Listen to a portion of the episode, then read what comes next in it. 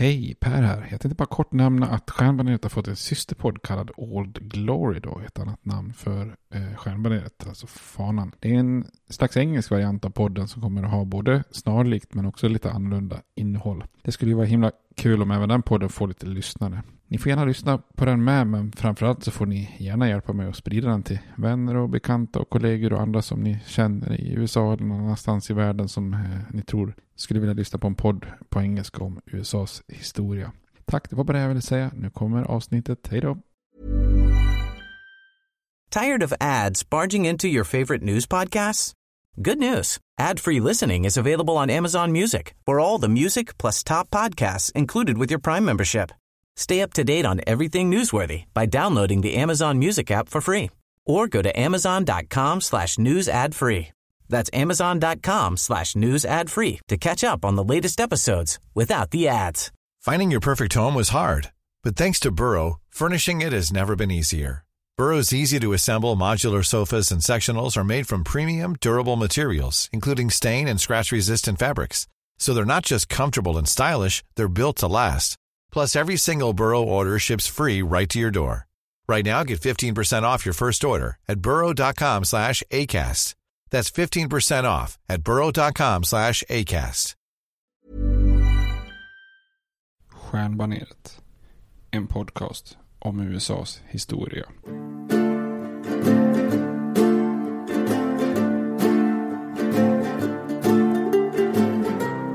We hold these truths to be self-evident, that all men are created equal, that they are endowed by their Creator with certain unalienable rights, that among these are life, liberty, and the pursuit of happiness. Now we are engaged in a great civil war, testing that government of the people, by the people, for the people, shall not perish from the earth. And so, my fellow Americans, ask not what your country can do for you, ask what you can do for your country. I have a dream. My four little children will one day live in a nation where they will not be judged by the color of their skin, but by the content of their character. Mr. Gorbachev, tear down this wall. I did not have sexual relations with that woman, Miss Lewinsky. Ja, då hälsar vi välkomna till eh, podcasten Stjärnbaneret igen. Hallå Robert, Hallå, hallå. hur är läget? Det är mycket bra. Vi sitter i Kungsbacka och spelar in igen. Ja, Vi gjorde precis. det för första gången. Ja, Så tillbaka till rötterna. precis. Lite mer varma i kläderna nu kanske. Jag vet att jag var väldigt eh, nervös inför eh, de första avsnitten. Jag visste inte riktigt vad det skulle kunna bli. Nej, precis. Nu, nu är vi Men igång. nu, nu är vi igång. Vad blir eh, vi uppe i nu? Vi närmar oss ett tiotal avsnitt då. Precis, det, jag tror att vi, eh, när vi spelar in det här har vi släppt tio snart. Okej. Ja. Och vi tänkte idag fortsätta den här översiktsserien om, eh, om USAs historia då, kronologiskt. Och där har vi ju eh, etablerat de här 13 kolonierna som kommer att bli de 13 första, stad, eh, första staterna. Och sen så förra avsnittet så kollade vi på den här oroliga tiden i slutet av 1600-talet och början av 1700-talet när det var allt från häxor till pirater och upplopp och uppror och eh, krig av, av olika, eh, olika Ja, nivåer. Och idag tänkte jag att vi skulle kolla på tiden efter det då. Alltså fram mot, mot revolutionen. Då. Det blir slutet av den koloniala eran här. Vi har väl gjort en, blir det sju eller åtta avsnitt till slut på, på den koloniala eran som ju är faktiskt där ungefär två femtedelar av den amerikanska historien. Jag såg att det fanns en annan, en engelsk podcast om amerikansk historia. De har, de har gjort snart hundra avsnitt och de har fortfarande inte kommit ens där vi är på Oj. avsnitt fyra eller fem. Så, så vill man fördjupa sig finns det andra alternativ än detta om ni tycker att vi är, vi är fördjupande. Men idag tänkte jag att vi skulle kolla på de här, hur de här kolonierna växer då. För att eh, runt där vid 1700-talet eh, så är det fortfarande ganska mm, små kolonier i utkanten av imperiet. Och sen vid tiden för revolutionen så är det en ganska betydande befolkning.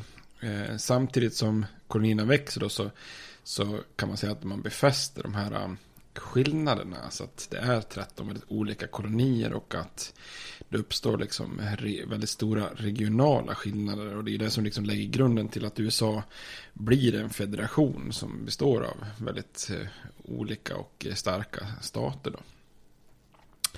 Och vi kommer att prata lite grann om immigration, eh, inte bara engelskottar och vi kommer att prata om eh, eh lite religion och, och, lite grann då vad som är typiskt för de olika regionerna. Tar den här inflytandet, tar det fart ordentligt nu eller? Det tar fart eh, verkligen ordentligt. Ja. Så att eh, det kommer, vi kommer att se här, det kommer att öka befolkningen rejält då. Ja. Men vad ska vi rekommendera för öl då?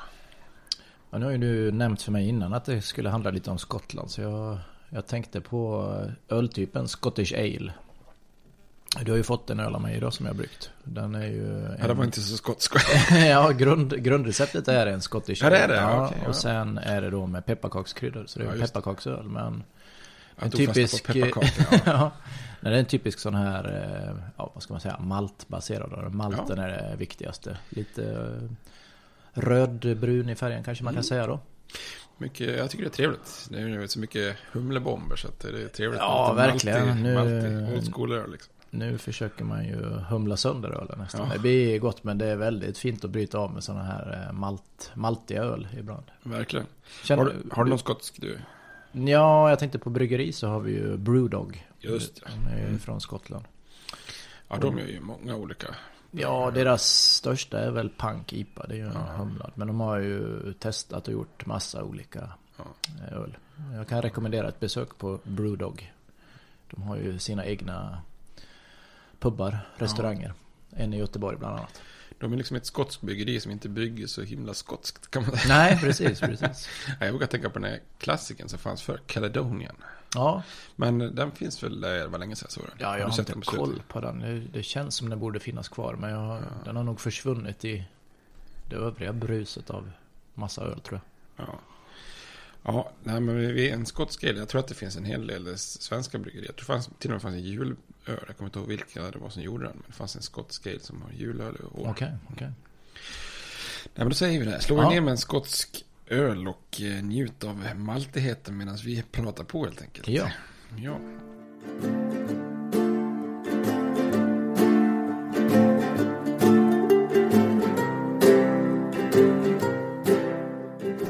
Och som sagt, förra avsnittet var det ju väldigt eh, mörka, tråkiga tider. Men från och med den här freden, vi pratar om freden vid Utrecht 1713.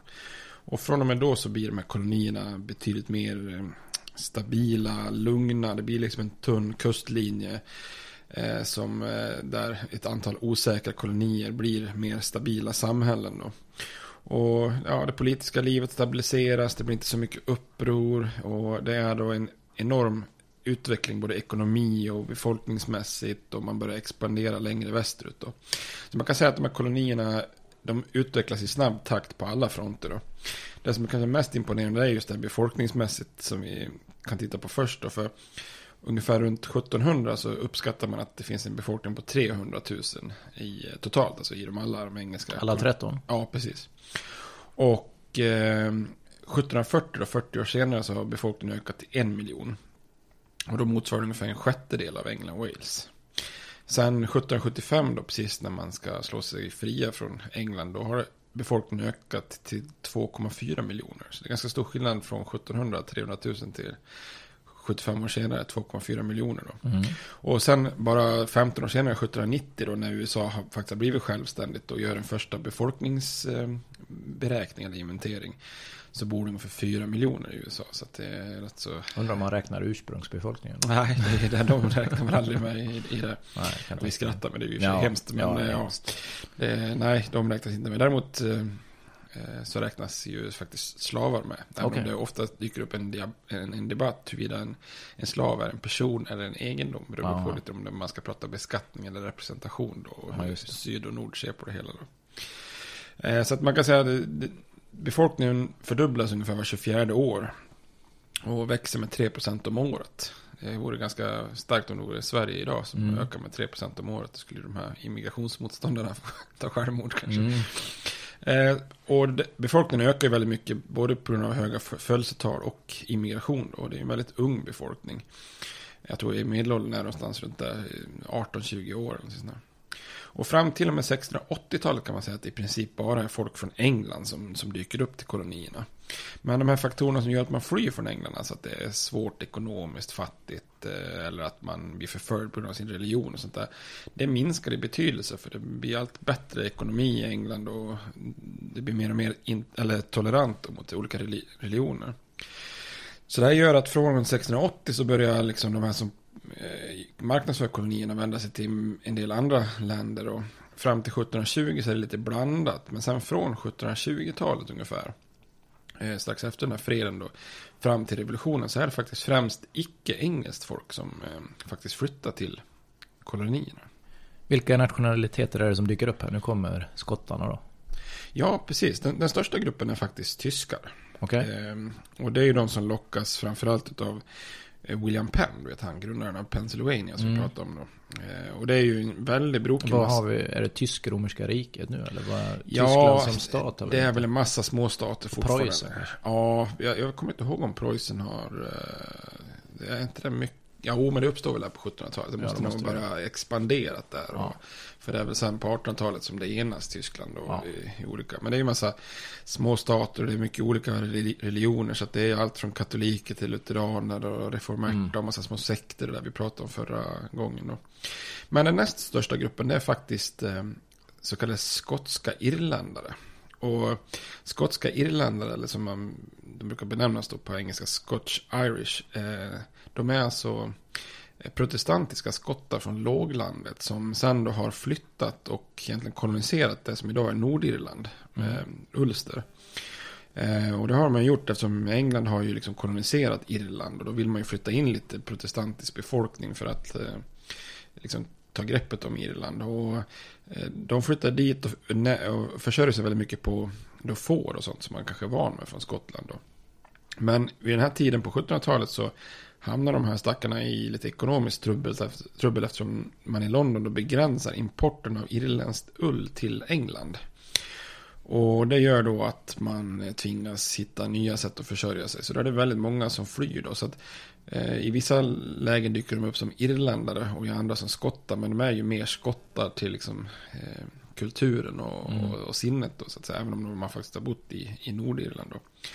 Och de är, det är en intressant grupp. För de, först började de sprida ut sig i New York och New Jersey och också, även då eh, Pennsylvania och de här mellersta kolonierna som är väldigt blandade i befolkningen. Men sen i och med att de är så de är fattiga, de har inte råd att köpa mark och sådär. Så flyttar de liksom längre och längre västerut. I, i, liksom ut i, i västern och gränslandet. För där kan man på något vis bara ta mark eh, så länge liksom och bosätta sig. Eh, och när de liksom stöter på Klippiga bergen, eller eh, säg inte Klippiga bergen, Appalacherna så då börjar man också immigrera söderut. Så de sprider sig liksom längs hela västra inre delen där, från, sett från östkusten då i USA.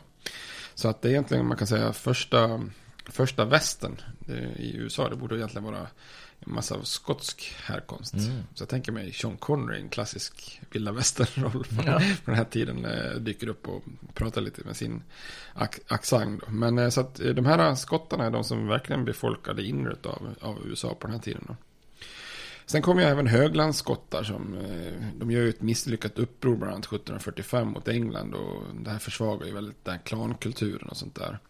Men väldigt många av dem flyttat faktiskt till Nord Carolina av någon anledning. Där de får liksom, det är ju en, en eh, koloni där vi pratar om man sköter sig mycket själv. Liksom, mm. lite så white trash. Eh, och där bosatte de sig i den här Cape Fear-regionen. Så där hänger de här hög, höglandsskottarna. Sen kommer det ju en massa andra grupper i lite mindre skalor. Då. Det är irländska katoliker, det är några få då. De kommer ju mycket sen på 1800-talet. Det är judar, det är franska hugenotter och så vidare. Och det här gör ju att den här blandade emigrationen till USA eh, är ju att man bara spär på den här liksom smältdegelgrejen då. Att det är ju engelska kolonier men det är ju väldigt många inslag av olika kulturer då. Mm. Så när revolutionen sker då på 1770-talet så sett till hela USA så är faktiskt engelsmän i minoritet då. För då är det ungefär 49% engelsmän totalt i kolonierna då eh, afrikanska slavar då, eller ja, några få fria svarta, men de flesta är ju slavar från Afrika. De står för 19 procent. Sen är det då skottar och tyskar 7 procent. Eh, skotska irländare 5 procent. Eh, övriga irländare, alltså katolska 3 procent. Och så finns det holländare och lite svenskar och finnar och lite andra Mm. då, eh, folkslag som, som utgör de resterande 6 procenten. Då. Så alla de här nationaliteterna blandas ju. Då är det inte så konstigt med tiden att det också uppstår något lite mer unikt amerikanskt eh, i, i kulturen. Då. Så det finns ju en fransman som är på besök i, i, eh, i kolonierna som, som frågar sig just den här frågan. Vem är den här amerikanen, den nya mannen? För han tycker att det är något liksom unikt som har uppstått. Det är inte längre liksom engelsmän på det här. Så att eh, när USA sen bryter sig fria så, så är det av de 56 personer som skriver under självständighetsförklaringen 1776 så, så var 18 stycken icke-engelska. Och eh, åtta hade fötts utanför fastlandskolonierna. Så ganska stor Mm. proportion invandrare om man ska säga det så. Som skriver under självständighetsförklaringen. Du nämnde ju att eh, befolkningen växer här. Eh, Städerna växer väl också. Vilka är de stora städerna här? Ja, det finns ju några få städer. Och den, eh, den som är störst länge det är ju faktiskt Boston då, som är en av de första stora städerna i kolonierna. Då. Men innan amerikanska revolutionen så hinner den faktiskt bli omsprungen av både Philadelphia och eh, New York City. Då. Och 1775 så eh, när man förklarar sig självständiga så är Philadelphia den största staden. Men det är inga jättesiffror vi pratar om. Alltså Philadelphia har 40 000 invånare. New York är tvåa på 25 000. Eh, Boston är trea på 16 000. Och sen har vi den enda staden egentligen som utvecklas i södern då, Charleston. I Sydcarolina på 12 000 och sen så Newport på 11 000 som ligger i Rhode Island då. Så det är väl de fem största städerna då. Men annars är det ju mycket jordbruket som dominerar och i och med att mycket av östkusten eh, är upp, bra mark är liksom upptagen så att eh, och det finns inga större industristäder så när, när im- immigranterna kommer så är det ju mycket att man får söka sig västerut, alltså go west. Det, det är verkligen liksom en en sån eh, återupprepande historia i amerikansk historia att nya grupper hela tiden tar sig längre och längre västerut. Då.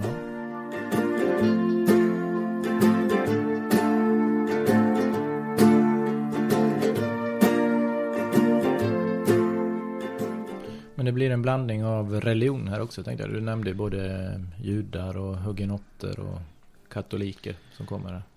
Precis, det blir ju väldigt mycket olika religioner och eh, religionen har ju en, en ganska stor roll i grundandet av USA på det här viset då. Eh, framförallt med tanke på att det blir en väldigt massa olika religioner då. För i Europa är ju oftast en religion som dominerar i, i en stat, alltså som är då statsreligion i den staten då. Och i, i Massachusetts och Connecticut så är det den här puritanska kyrkan då som, som dominerar. Men i de övriga så blir det ju inte någon direkt som, som dominerar så det är jättemycket då. I södern så finns ju främst den här anglikanska kyrkan, alltså som är egentligen den engelska statskyrkan. Den Mm. kom ju med de första kolonisterna till Jamestown som vi pratade om i tidigt avsnitt då. Sen kommer de här puritanerna som grundar den här, mycket svårt ord att uttala, kongregationalistiska religionen. Mm, får du säga. Ja, det är skitkonstigt ord. Jag kan ju aldrig, aldrig lära mig att få det naturligt direkt. Men de lägger ju grunden till, till den religionen i, i ja, framförallt New England-regionen då, men det sprider sig också lite söderut då. Och med de här skotska immigranterna så kommer också presby, presbyterianismen, det är också svårt, Presby- presbyterianer. Ja. Också ett svårt ord, men eh, de tar ju med sig den varianten och det är ju också en orsak till att de här skottarna faktiskt eh, lämnar eh, de brittiska öarna eftersom, eftersom de inte är anglikaner eh, eller tillhör engelska kyrkan så har de svårt att få viktiga poster och jobb också Mm. eftersom man har en annan re- religion. Då.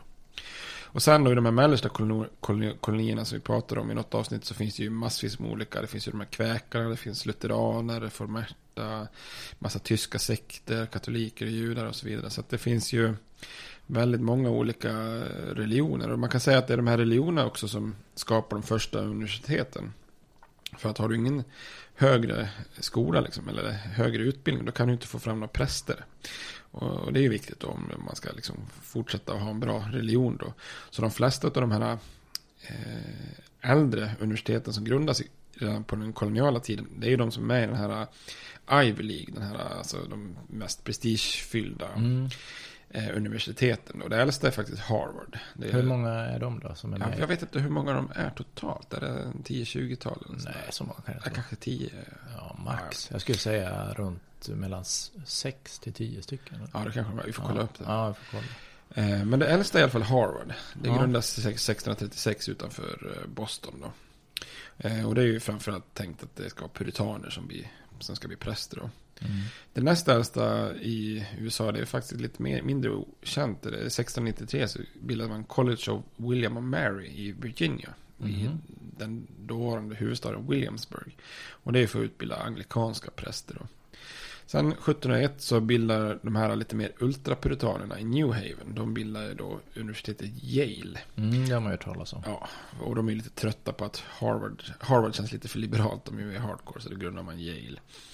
Sen eh, 1746 så bildas eh, College of New Jersey, som senare då blir det här Princeton, som man också Mm, hört talas om. mm. Det är ju då presbyterianskt och eh, skotskt ursprung egentligen då. Sen 1754 så bildas Kings College, som senare blir Columbia University. Mm. Eh, det har man också hört talas om många Ja. gånger. Det ligger ju i New York då, också anglikanskt. Och sen sek- 1764 så bildas College of Rhode Island, som senare då blir det här Browns University. Har man också Också inte jag att jag har hört talas om. det är ju faktiskt grundat som ett baptistiskt, men det är också känt, precis som Rhode Island i övrigt, för sin öppenhet. Så att man får ha vilken religion som helst att studera. Så att det är det första som liksom egentligen är öppet för alla. Annars var med tanken att utbilda präster då. Och utbildning i stort är mer utbrett i kolonierna än i, än i moderslandet. Och speciellt i New England där, där liksom eh, man försöker utbilda alla då. För i England då är ju utbildning reserverat för eliten. Alltså det aristokratiska fåtalet. Själva syftet med utbildning är ju någon slags ledarskap, inte medborgarskap då. Och i kolonierna börjar man ju fråga om det här. Förutom kanske i södern då, där det är mer prestige att skicka sönerna till England än att ha dem på något amerikanskt universitet. Så det blir, utbildning blir mer utbrett på något vis då. Utbildning är ju viktigt då, men hur ser ekonomin ut här? Var får man in degen ifrån? Bly. Var får man pengarna ifrån? Man måste få in den koloniala degen. Ja. Eh, ja, alltså ekonomiskt växer ju kolonierna väldigt mycket också då. Och man specialiserar sig på väldigt många olika saker då, beroende på vilken region man är då. Men totalt sett så rent handelsmässigt så är ju kolonierna involverade i ett väldigt komplext eh, system då. Eh, trä och spannmål skickar man då till de västindiska öarna eftersom de inte var eh, självförsörjande på det. De, vi pratade om att de bara producerar ju massa socker. ja, just det. Nästan som sockerfabriker bara. Precis, så, så att de är ju inte självförsörjande, så de måste ju få trä och spannmål då. Sen från de här västindiska öarna tar man ju då med sig molass och socker. Molass är väl typ sockerråvara eller någonting sånt där tror jag. Eller om det är någon flytande form, jag vet inte riktigt. Men eh, de, här sockerprodukterna görs då oftast om till rom när man kommer tillbaks. Mm. För att rom är mycket enklare att liksom hantera. Och det. Vart jag tänka på Captain Morgan. Vi var Ja, lite, lite osäkra på om det var koppling till han Henry Morgan. Jag kände mig ganska säker på det. Men du var, du var lite förvånad. Att, jag- men du har kollat upp det nu eller? Ja, jag såg på deras hemsida faktiskt att det var ju helt klockrent. De har, vill man veta mer om han Henry Morgan kan man ju faktiskt gå in på Captain Morgans hemsida. Reklam. ja, precis. Men vad heter det? Eh, Så jag tänkte, det var ju fel avsnitt. Vi skulle ju ha rekommenderat en rom och cola. Ja, det skulle vi kanske gjort. Ja, hur som helst, nu tappar jag bort de här. Nej, du, Men- var, du pratade om att de skickade iväg socker från det hållet och behövde spannmål och... Precis. Ja. Och då gör de oftast om det här sockret till, till rom då. Och Ja. rom i sin tur då, och annat, det skickar man då till Afrika och tar med sig slavar tillbaks. Och sen av alla tänkbara typer av råvaror då, trä, fisk, tobak, indigo och en massa spannmål, då får man vete och ris, det skickar man till Europa och från Europa så tar man med sig färdigvaror tillbaka då. Eh, Och det här är ju, brukar oftast beskrivas som en sån här triangelhandel. Jag tror till och med fanns i våra Ja, historieböcker det finns när vi läste att det var, man åkte i de här trianglarna med varor från ett ställe till ett annat, till tredje och tillbaka och så vidare. Men när man har tittat på det här så är det väl, den existerade ju, men det är lite också av en uppblåst myt. För att många åker mer fram och tillbaka mellan två punkter och Mm. byter varor sådär. Men ja, det finns ju ändå en viss del av den här triangelhandeln då.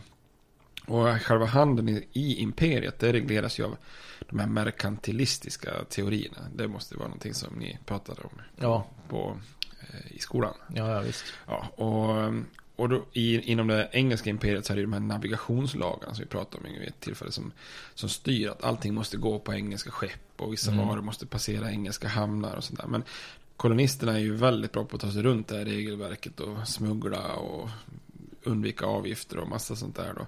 Men de här navigationslagarna har ändå en viss effekt för att man förbjuder kolonierna i den här merkantilistiska andan att, att producera färdigvaror. De ska ju bara vara råvaruproducerande då. Så ska moderslandet eh, liksom sko sig på, på kolonierna. Och då, så att det begränsar ändå alltså tidig industrialism. Det är till exempel förbjudet att prägla mynt och tillverka hattar. Mm. Tillverka stål och ja, den typen av varor. Då. Så att, eh, så att man kan säga så att totalt sett så så växer ekonomin i kolonierna väldigt mycket då och, eh, i takt med befolkningen. Men det som händer är också att de här olika kolonierna växer i helt i olika riktningar. Då, så att de här olikheterna som finns från start, de späs ju på då i den här tillväxten. Så man kan säga att det uppstår ett antal olika regioner eh, som sätter liksom sin prägel på det här liksom lapptäcket då, som blir USA. Mm. Vad är det som särskiljer de olika regionerna och vilka regioner kan man räkna in här? Då? New England blir väl säkert en Precis, ja. Vi kan väl börja norr då, som du säger, från ja. New England och, och vandra söderut. Då. Så om man tittar på ekonomin i New England i norr då, så där är det ju mycket, det är mycket självförsörjande jordbruk på ganska liten skala. Då. Det är väldigt lite spannmål som kan säljas som överskott. Man har liksom nog att för, försörja sig själv. Då. Däremot har man en väldigt stor fiskeflotta där uppe. Så fiske är ju Eh, är ju någonting som är stort och inklusive valfångst. Det är mycket valare. Eh, Moby Dick. Mm. Är inte konstigt att det skrivs liksom av författare från New England. Nej. Och ehm, till exempel i Massachusetts så har ju, har ju fisk blivit en väldigt så stor symbol. Och i stadshuset i Boston i Massachusetts så har de ju en enormt stor trä kod. Nu ska vi se, kod, det är väl torsk? Ja, måste vara torsk. Ja, torsk. Jo, men jag är ganska säker på att det är torsk. De har i alla fall en stor trätorsk som en symbol på väggen i den lagstiftande kammaren faktiskt. Mm. Det kallas för Sacred Cod. Mm. Och eh, den vart faktiskt en gång kidnappad av Harvard-studenter.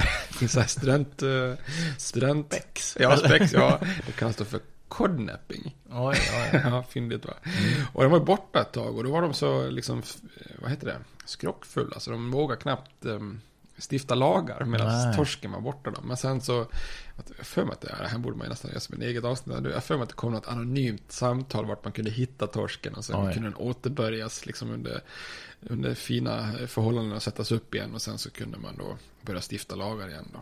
Ja. Men i New England då så med Boston och Newport som bas då så blir det väldigt mycket handelsmän då. Och de här kolonierna blir väldigt duktiga skeppsbyggare. De har ju mycket timmer och sånt där. Och, och står för nära hälften av Storbritanniens skepp faktiskt vid den här tiden. Eh, och då, mycket, mycket träd får ju sparas som master till exempel. Det märker man ut tidigt för att, för att verkligen kunna bygga skepp med långa master. Då. Och de få ska man säga, industrier, brukar kallas för manufakturer på den här tiden som finns i kolonierna, är ju främst i New England. Då. Och det är mycket skogsindustri i New Hampshire till exempel. Och timmer skeppas till Västindien. Ehm, det är ju som jag sa med master, det är, helt det är alltså olagligt att kapa vissa träd. Då. Ehm, man tar också fram mycket kära och sånt där. Så ehm, tack vare eh, New England så slipper England vara så beroende av Östersjöländerna. För innan var de ju väldigt beroende av Sverige och mm. Finland och så vidare för, för det här med trä och kära och sådana saker. Men om man tittar på New England, det är ju själva ursprunget till det här begreppet Yankees. Eh, jag såg att det är ju väldigt vanligt med jänkare i raggarkretsar, pratade vi om ett avsnitt också. Mm. Jag såg att i Japan så använder man också ordet yankee, tror jag, för något som motsvarar ungdomsbrottsling eller gängmedlem med blonderat hår. Jag mm. det var en konstig koppling till yankees tyckte jag. Men, men eh, den här regionen präglas ju mycket av hårt jobb, stora familjer, kallt klimat, sträng religion. Eh, där man hela tiden ser den här kampen mot synder och lockelse och andra moraliska eh, utmaningar. Det blir som ett stoiskt folk som eh, åtminstone offentligt inte visar några känslor. Man ska liksom sitta på sina söndagsgudstjänster i kalla kyrkor på sex timmar och, och vara tyst. Liksom. Äktenskapet är väldigt viktigt, man gifter sig tidigt. Eh, kvinnorna ska bara föda barn, ta hand om barn. Eh, det är väldigt få skilsmässor. Eh, det är till och med så att myndigheterna ibland har beordrat separerade att förenas. det är snyggt om man, mm. snyggt om man skiljer sig. Så, ja. Nej, nu får ni fan komma ihop igen. Liksom. och det är bara om man helt överges eller om någon är, någon är otrogen som det är accepterat med separation. Då. Och är man otrogen så kan man faktiskt straffa, straffas offentligt med piskrapp. Så det är ganska tufft att vara. Eh, det är en väldigt hög arbetsmoral här. De uppmanar till väldigt hårt jobb, väldigt så här protestantiskt, eh, lutheranskt på något vis. Ja, det är ju inte lutheranskt, men puritanskt kanske. Mm. Det är ju mycket skickliga handelsmän då. Eh, men de är inte så speciellt klassiskt kapitalistiska i den här formen av att, att individer ska som konkurrerar med varandra för materialistiskt välstånd. Utan en god puritan eller en god kalvinist ska ju bli lyckosam och, och sen ska ge tillbaks till samhället. Så girighet i sig är ju en synd. Så mycket det här med att du ska ge till välgörenhet kan man säga. Det kommer ju väldigt mycket från New England mentaliteten då. Ja. Och typiskt för den här mentaliteten är ju faktiskt baseball som utvecklas då från någonting som kallas för townball, alltså en sport. Eh, och det är ju liksom en sport där du, du ska kunna visa upp den här individuella skickligheten i olika roller. Men ändå så står man och faller med laget eller gemenskapen. Så det liksom passar puritanerna mm. väldigt bra då eh, som sport. Kändes långsökt men det kanske... ja, det? Ja. ja. Och i New England lägger man också stor vikt för utbildning för alla. Det är väldigt hög läskunnighet i jämförelse med de flesta delar av världen vid den här tiden då. Det är väldigt lång livslängd, höga födelsetal. Och New England växer ju befolkningsmässigt men det är inte nästan någonting på grund av import eller import av slavar eller immigration utan det är ju för att man helt enkelt reproducerar sig själva. Då. Så att den delen av USA som är mest homogen vid tiden för revolutionen det är New England för där mm. är det mycket fortfarande bara puritaner och vita liksom. Ja protestanter. Då. Frihet i New England är ju då egentligen frihet för det kollektivet av puritaner att kunna sköta sig själva utan ex, extern inblandning. Att kunna ja, utöva sin religion utan, utan risk för straff. Då. Ja. Och skillnaden i befolkningsstruktur sitter till och med lite grann i språket idag. Ehm, de flesta i New England härstammar från östra England, där de här första puritanerna kom då. Och då har man också en liten annorlunda dialekt än andra delar av, av, landet. Den här klassiska New England, du vet, park istället för park. Ja, det man... Harvard istället för Harvard. Och så. Ja, just det. Du brukar härva den va? Nej, jag ska inte prova det. Men det jag tyckte du gjorde bra. Jag tänkte John F Kennedy, om man lyssnar på vårt intro där. Mm. Där tycker jag han, han har väldigt tydlig sån... Eh, eh sån eh, New England-dialekt faktiskt. Då. Ja. Så arvet är kanske inte klassisk kapitalism utan mer så här att man stöder samhället via kyrkan och andra organisationer och att religion är väldigt viktigt. Så det är väl kanske egentligen arvet från, från New England. Ja.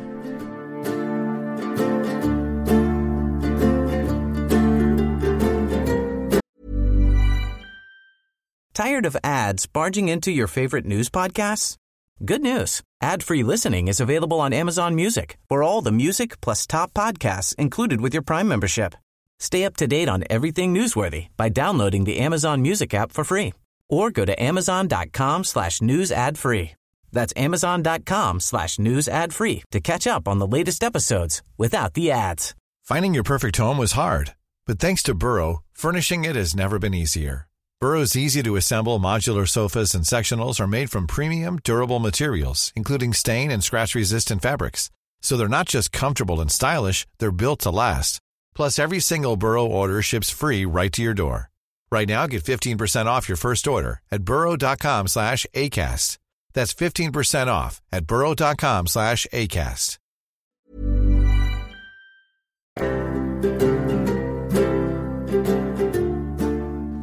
Fler regioner då?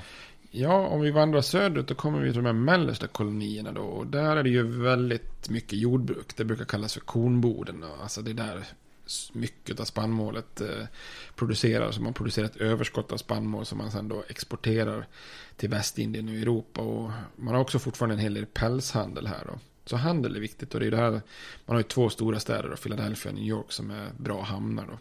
Och med mellersta regionen, de är ju väldigt präglade av de här kväkarna då, framförallt i New, New Jersey och Pennsylvania då. Eh, och de kanske har större inflytande än vad, vad, de har, alltså, än vad de är till antalet. Då. Men de tror ju väldigt mycket på individens egna förmåga. Och därför är de inte heller riktigt lika patriarkala som de andra regionerna. Utan man lyfter fram individer, både, både kvinnor och män. Och man lägger heller inte så stor vikt vid institutioner. Utan man litar sig mycket på just individens egna förmåga. Då. Och man lägger stor vikt vid, eh, vid familjer och utbildning. Men då puritanerna, de kanske ser utbildning mer som en slags kollektiv fråga. Och så, så kväkarna ser det mer som en personlig eller individuell fråga. Då, så att det är mm. mer, mer liksom eh, individuell utbildning och, och familjeutbildningen än, än i någon slags säga, kommunala skolor. Då. Och kväkarna är ju också pacifister och är väldigt konservativa lagt. Så att de vill inte förändra just någonting då. Och under revolutionen så är det den här gruppen som ropar väldigt högt efter frihet. Men man låter gärna de andra sköta stridandet. Så att, mm. Och de anklagas ju för, alla anklagas av de andra kolonierna för att ja, vara lite sega och agera. Och det här märks ganska tydligt för att både New York och Pennsylvania är ju kanske de kolonierna som sist ställer sig bakom en självständighet. Alltså att man, man märker det väldigt tydligt där när de ska, när de ska bryta banden med moderslandet. Då. Och rent sportmässigt så kväkarna ägnar sig inte åt sport överhuvudtaget. Så det är inte så mycket, eh, vad heter det, eh, referenser där.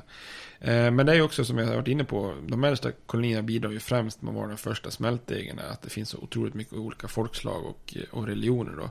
Och att kunna hitta lösningar då för den här som säga, blandade befolkningen är kanske det viktigaste arvet. För det är ju någonting som USA verkligen brottas med, med hela tiden. Då. Mm. Och så har vi Södern. Södern då? Ja, precis. Räknas det som en region? Kan man säga att det är tre Ja. regioner här då?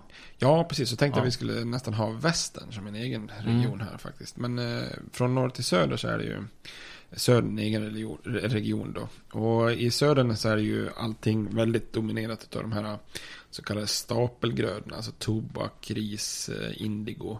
Det som liksom ligger till grunden för slaveriet då. När kommer bomullen in då? Det är mycket. Ja, ja, den kommer faktiskt in sen. Vi kommer att komma till det för att vid den här det är tiden det jag så... nästan mest förknippar. Ja, i och för sig tobak tänker Ja, man. jo men Och sen bomull. Jo, inför inbördeskriget så här, då tänker man nästan bara bomull och slaveri. Mm. För att, men när vi kommer komma till det, för att vid den här tiden så finns det finns två sorters bomull. Ja. Den ena bomullssorten är, är väldigt lätt att skörda. Och den, fast den växer bara på några få öar vid kusten. Så Mm. det, det, där, där har de bomull, men det är så litet då. Sen den andra bomullsvarianten som sen kan växa liksom i hela södern. Mm. Den är liksom en slags klibbiga frön. Och innan de uppfinner en, eh, en maskin, eh, eh, the cotton gin eller the cotton Mm. engine, så kan man inte ut, liksom vinna ut den bomullen och göra tyg av det.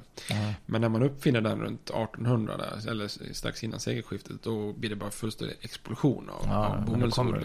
Ja, precis. Så det, är, det är en bra observation. För oftast tänker man ju på slaveriet som bomullsplantage. Men i det här fallet, eller vid den här tiden så är det faktiskt bara tobak och, och ris och indigo. Då. Och eh, man har ju då tobak i Virginia, Maryland och ris och indigo i syd och, och Sydcarolina och Georgia. Eh, och sen är ju Nordcarolina någonstans mitt emellan. Det är lite tobak i norr och lite eh, ris i söder. Då. Mm. Och det är ju en vit elit av plantageägare i den här regionen. Så, eh, och sen då en stor massa av självförsörjande bönder och svarta slavar. Då. Och man exporterar de här grödorna dyrt och eh, importerar fina varor tillbaks då. Men de här plantageägarna är oftast inte så involverade själva. Utan man använder väldigt mycket mellanhänder. Vilket gör att det- finns liksom ingen eh, framväxt av städer på samma sätt. Un- undantag för Charleston och sen Savannah. Och man skuldsatte sig väldigt lätt eftersom det är en massa handelsmän involverade som mellanhänder där. Man Mm. vill inte riktigt göra det jobbet. Man vill bara ha sitt plantage som man. Ja, ja. Man lägger väldigt stor vikt i den här regionen på familjerna. Men kanske mer i- form av liksom släkter bland de ledande familjerna som håller på att gifta sig liksom internt. Det är liksom helt okej att gifta sig med en kusin till exempel. Och det är väldigt tydliga hierarkier mellan den här ledande eliten och, och, och massan av fattiga och, och, och slavar i botten då. Och det är ju liksom, man brukar beskriva som en natur, naturlig aristokrati då. Och det blir ett väldigt patriarkalt samhälle där den här så att säga, gentlemannen som är plantageägare med självklarhet ska styra ska styra över sin liksom, miniregion. Och det betyder att man ska styra över både sin, sin plantage, eh, sin fru då, sina barn, sina tjänare, sina slavar. Men också de här fattiga som bor runt blir väldigt beroende av ett plantage. För det är där man kan få andra varor och oftast kanske man arrenderar mark från plantageägaren. Så att man blir liksom som en slags mini, minikung i sitt plantageområde då kan man säga. Och ehm, de är ju väldigt kända. De röker sin tobak, dricker sina fina importerade viner, håller i danser och middagar, ägnar sig åt individuella sporter, det vill säga hästkapplöpning, kortspel, tärningsspel. Så det utvecklas ju en, en kultur av väldigt så här stolta gentlemän, där ära är väldigt viktigt och det är väldigt vanligt att man slåss eller duellerar för att behålla sin respekt. Ifall någon eh, förolämpar en så måste man göra upp med en duell då. Och då är det fina att man inte att man kanske inte skjuter för att döda utan att man bara skjuter skottet i luften eller något sånt där. Så det är väldigt, eh, eh, väldigt eh, vanligt i, i den här regionen då. Men man har också mycket problem med skulder i södern då. Plantageägare som, som är väldigt beroende av priserna på tobak eller ris går upp och ner sådär. Men man håller gärna uppe fasaden så det är lite snyggt att man är, man är i skuld men man måste ändå upprätthålla den fina konsumtionen och så drar man på sig ännu mer, mer skuld. Då. Man, man tycker inte att skolorna ju i kolonierna är bra nog så man skickar sina, sina förstfödda söner och så här till England för utbildning. Då. Så frihet i södern det är någonting helt annat än de mellersta och norra kolonierna. Det, det är egentligen att vara fri. Eh, att vara fri det är att inte vara styrd av någon som helst annan. Utan att man som plantageägare får får, eh, får, får eh, styra helt som man, som man vill då.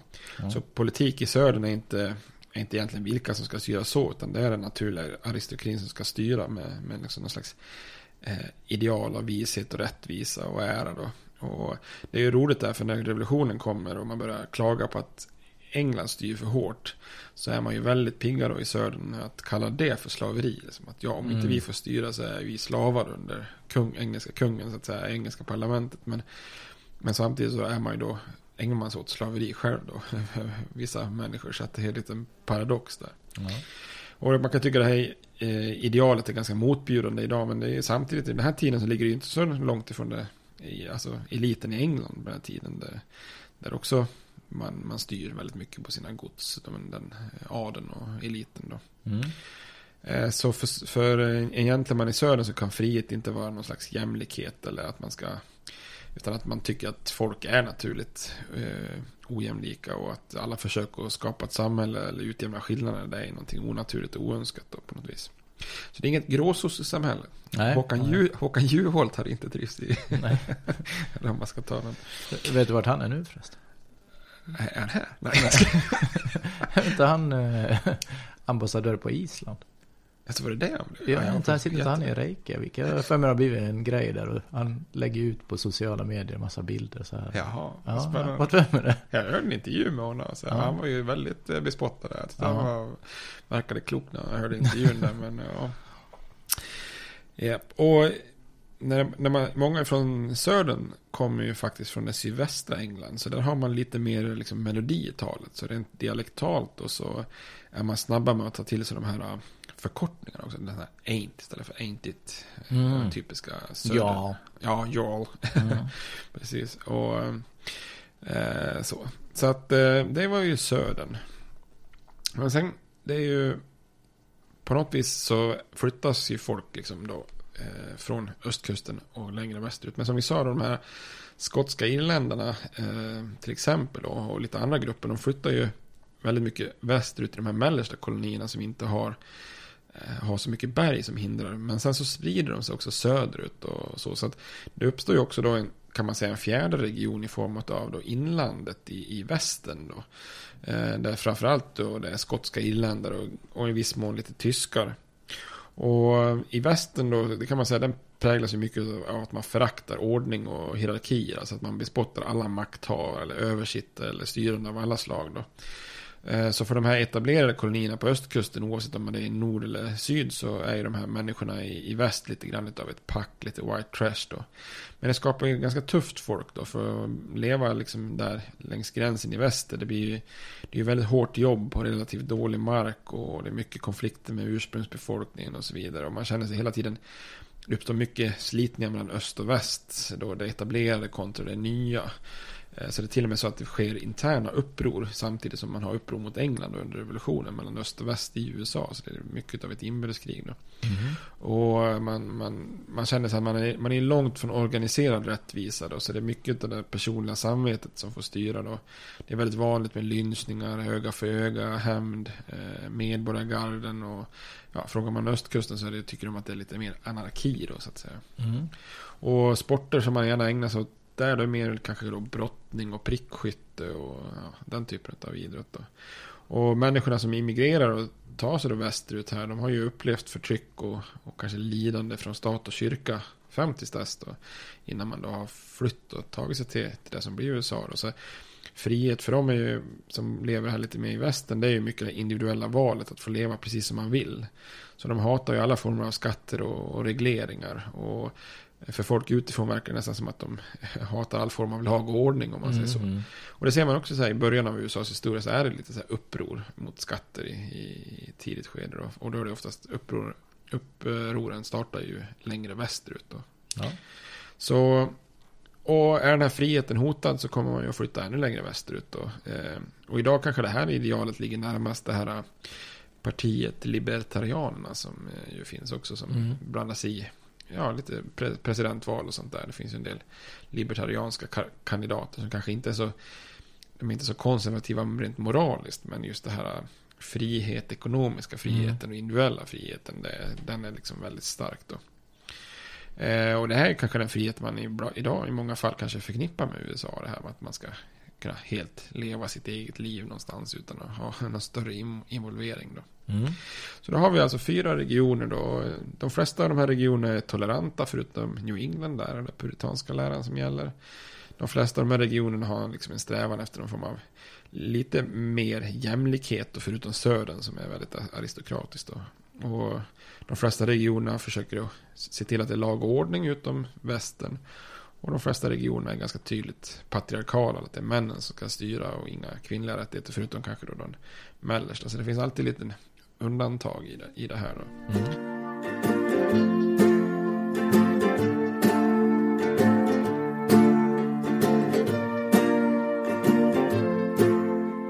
Så för att sammanfatta det här. Jag fick ett mail från en lyssnare, Åke. Han tyckte vi skulle försöka sammanfatta den, alltså de här 13 kolonierna. Då. Man kan väl säga så här att det är ju då inför den amerikanska revolutionen som vi kommer att komma in på. så Det är ju alltså 13 provinser då, eller kolonier som, som är helt unika. Alltså de har präglats av sin geografiska placering. Det blir liksom ett lapptäcke i, i liksom ordets rätta bemärkelse då. Och kolonierna grundades som vi har sett då genom avsnitten vi har gjort nu av olika orsaker. Vissa är rent ekonomiska. Eh, liksom man startar bolag för att mm. göra vinster. Då. Eh, vissa är liksom mer äventyrligt lagda. Eh, vissa är ju, är ju kanske då en slags att man inte trivs i en koloni och så bara flyttar man och skapar en ny koloni då. Eh, och vissa är ju då som puritaner har ju flytt bara rent religiöst då. Och ja. även Maryland då, att man försökte bilda en katolsk koloni då. Och sen så skapas de genom olika lösningar. Vissa startar som bolag, andra som egendom, de här konstiga feodala egendomarna. Vissa är statliga då, kronkolonier. Och andra är ju då bara liksom någon slags frivilligt socialt kontrakt då. Så att varje enskild er, er koloni har ju en väldigt eh, särpräglad präglad eh, start och, och, och, och, utveckling.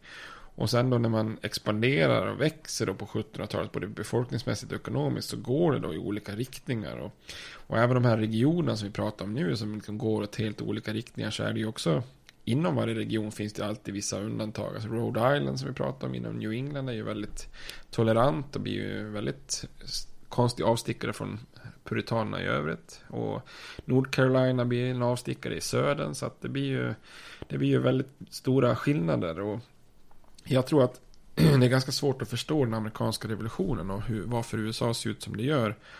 Om man inte förstår de här skillnaderna. Att det var nödvändigt från första början att eh, skapa en väldigt löst sammansatt eh, konfederation av just självständiga stater.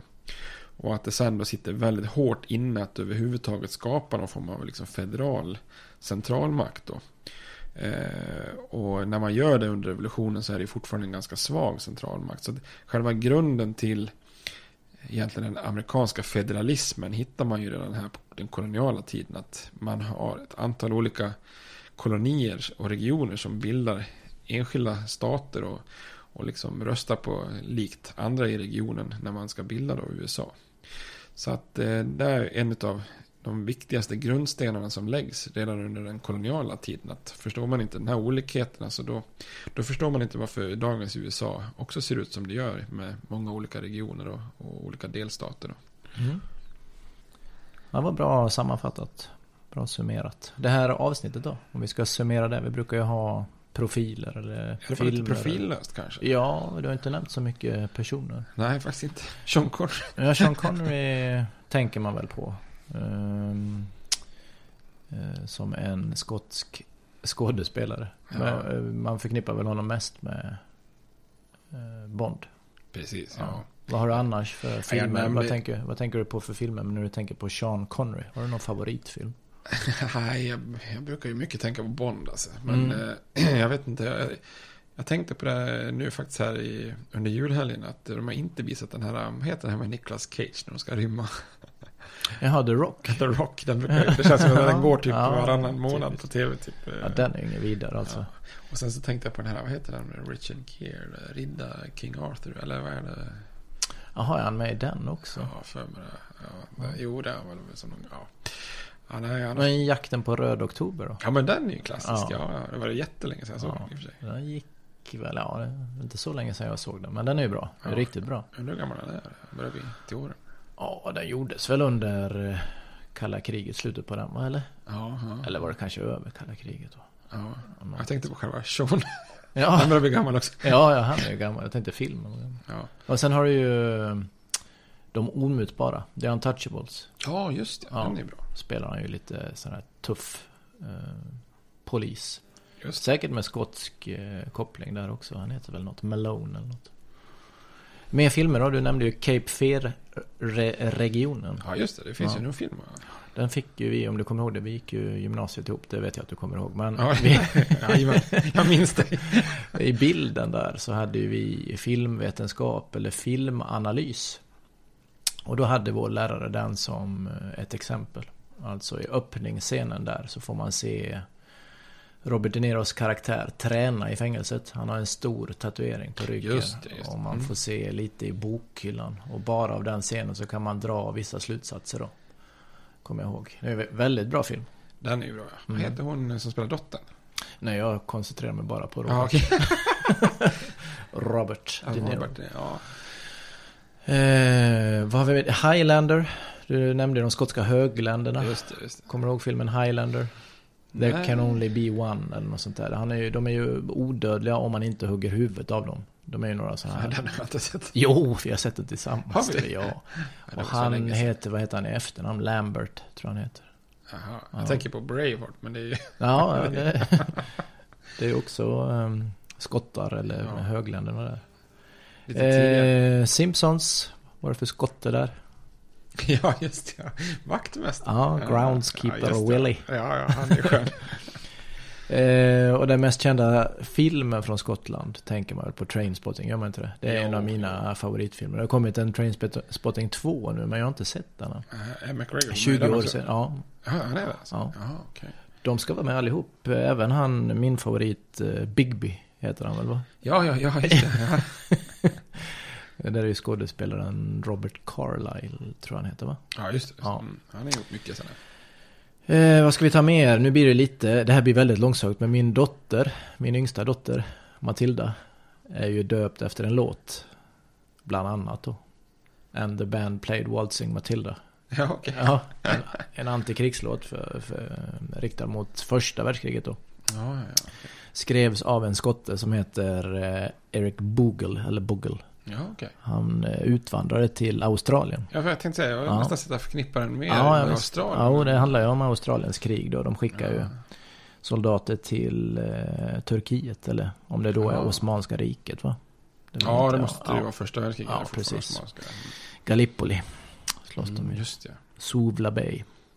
Churchill tror jag involverad. Ja, det kanske han är, ja. Krigsminister tror jag. Så då skrev han en låt och där sjunger de då. And the band played Waltzing Matilda. Ja, vad bra. Ja. Vad... Men det blir lite långt från USA, eller det som blir USA då. Men det är ändå det- skotska kopplingar har Det det är, nu. Skott, det är Skottland och historia. Ja. Ja. Jag har gjort en koppling till det. Ja. Jajamän. Har vi något idrottslag? Ja, du nämnde ju baseball och du har ju nämnt eh, Yankees. Så det kan man ju, men det har vi nämnt i tidigare avsnitt också. Ja. Det är väl egentligen det mest kända baseballlaget, är det inte det? Det är det jag förknippar med baseball nästan. Ja, verkligen. Alltså, kanske möjligtvis Red Sox. Ja, Eh, det är samma region här och... Ja, precis. ja. Ja, det, är, ja, det passar ju faktiskt. Det är ju Boston då. Ja. Så baseballen kanske uppstår. Ja, Sen precis. såg jag, vi pratade mycket om handel och triangelhandel och sånt Mm. där. Och då eh, vet jag att det, finns, alltså, det fanns en skeppstyp som heter Clippers. Ja, just alltså det. sådana båtar. Och, ja, det här har jag inte kollat upp, men frågan är, det finns ju ett, ett lag som heter LA Clippers. Ja. Eller det finns. fanns i alla fall. Ja, Eh, men jag, jag tänkte undra var det kommer ifrån. Om det är Ja, skeppstypen eller? får vi ja, kolla upp. Det kan det väl vara. Så, nej men profil då, det får väl nästan bli Sean Connery. vi, vi, har inte nämnt så, har inte nämnt så många andra personer så. Nej, vi, vi kör på Sean. Ja, Ja. då är vi klara då. Finemang, men då Ja. säger vi hej. Tack och hej. Tack och hej. States like these and their terrorist allies constitute an axis of evil.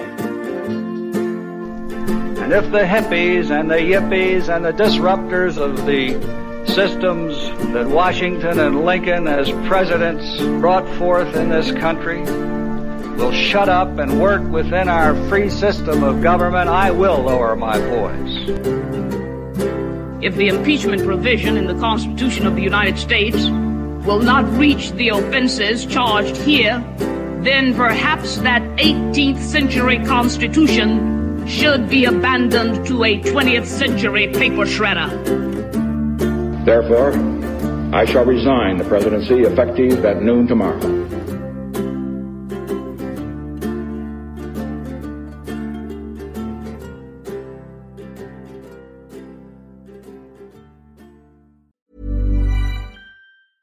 Tired of ads barging into your favorite news podcasts? Good news. Ad-free listening is available on Amazon Music for all the music plus top podcasts included with your Prime membership. Stay up to date on everything newsworthy by downloading the Amazon Music app for free or go to amazon.com slash news ad free. That's amazon.com slash news ad free to catch up on the latest episodes without the ads.